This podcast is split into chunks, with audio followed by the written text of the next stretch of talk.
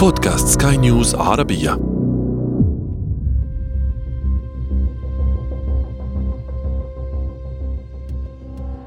في ديسمبر من عام 2019 عندما ظهر إلى الوجود أنباء عن انتشار فيروس في الصين كان المناخ السائد بعيدا عن الصين بالطبع يتميز بالهدوء. كان أكبر القلق هو أن ينتقل الفيروس من الصين إلى دول أخرى ليسبب بها بعض الإصابات.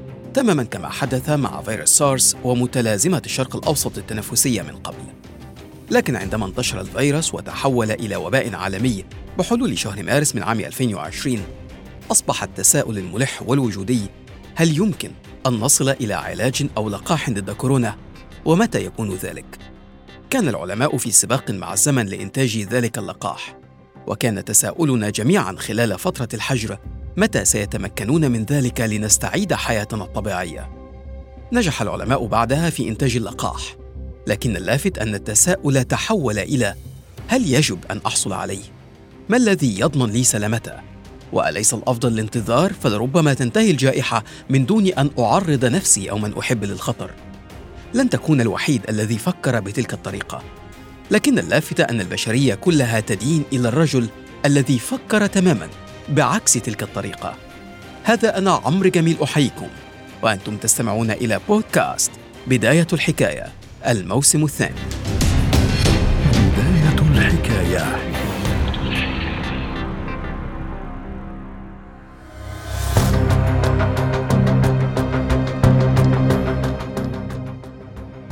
في عام 1796 نجح العالم الإنجليزي إدوارد جينر في اكتشاف وتطوير لقاح الجدري. كنا قد تحدثنا عن ذلك بالتفصيل في حلقة اللقاح سلاح البشر ضد الأوبئة وأملهم ضد كورونا. وروينا كيف لاحظ جينر أن حالبات الأبقار التي أصبن بجدري الأبقار لم يصبن بالجدري البشري الأخطر والأشد فتكاً أجرى تجربته على طفل بأن حقنه بجدري الأبقار ثم بجدري البشري ونجحت التجربة عندما لم يصب الطفل بالجدري. ليقدم إدوارد جينر للعالم اللقاح الأول وينهي بشكل تام مرضا كان يفتك بالملايين منذ بدء الخليقة. كان الجدري أصلا مرضا قاتلا. يعتقد أنه كان يقتل نحو 400 ألف شخص سنويا. أما المحظوظون ممن كانوا ينجون منه فقد أصيب ثلثهم بالعمى فيما أصيب البقية بتشوهات بشعة على الجلد. أدركت السلطات البريطانية أن اللقاح هو ما يكسر دائرة الوباء فجعلته إجباريا لكن ذلك لم يعجب الجميع. حاولت السلطات إقناع العامة فطبعت منشورات حملت أسماء مثل اللقاح أوهام وشرور ولعنة اللقاح وأهوال اللقاح. ومع ذلك خرج عشرات الآلاف إلى الشوارع احتجاجا على فرض اللقاح. اعتبر المحتجون أن ما يتم هو حقن أطفالهم بسموم تؤثر عليهم.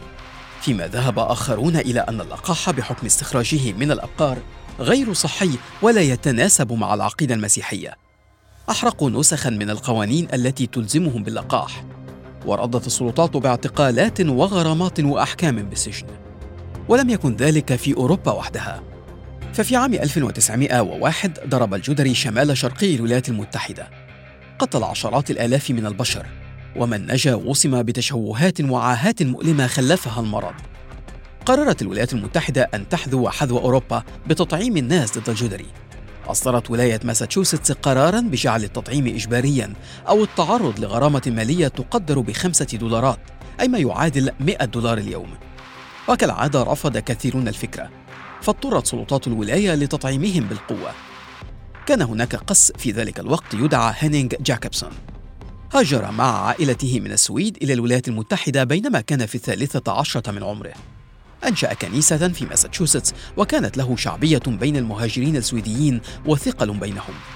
عارض القس جاكوبسون قرار فرض اللقاح معارضة شديدة ويقال إن ذلك كان بسبب حادثة تعرض لها وهو طفل في بلده الأم السويد والتي كانت هي الأخرى تفرض لقاح الجدري.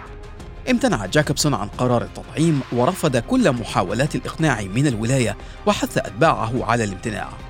وعندما فرضت عليه سلطات الولاية غرامة مالية رفض دفعها أيضا واعتبر كل ذلك ضد حريته الشخصية حتى إنه رفع دعوى قضائية ضد سلطات الولاية في المحكمة العليا.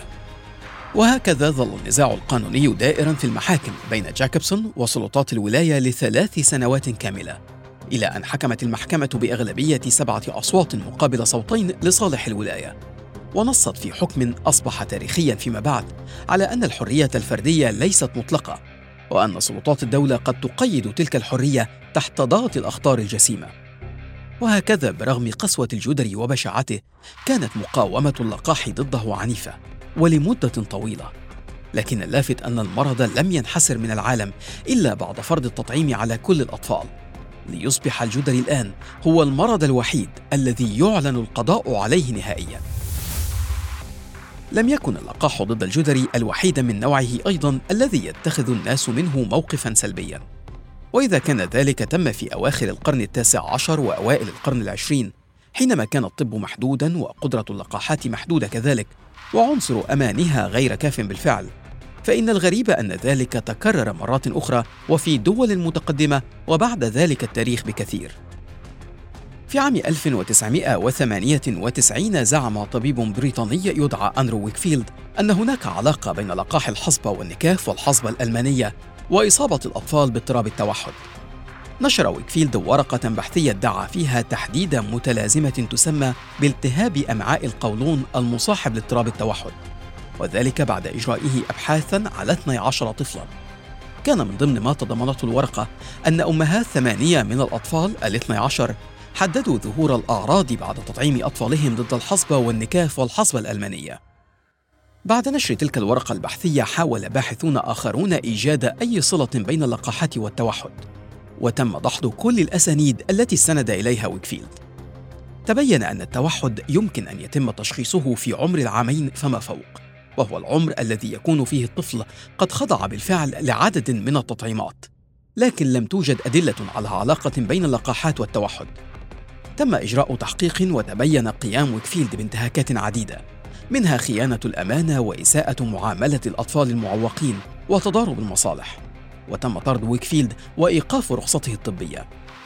المشكلة أن ادعاءات ويكفيلد خلفت قلقا عند بعض الآباء. وأدى ذلك لامتناعهم عن تطعيم أبنائهم خوفا عليهم من إصابتهم بالتوحد.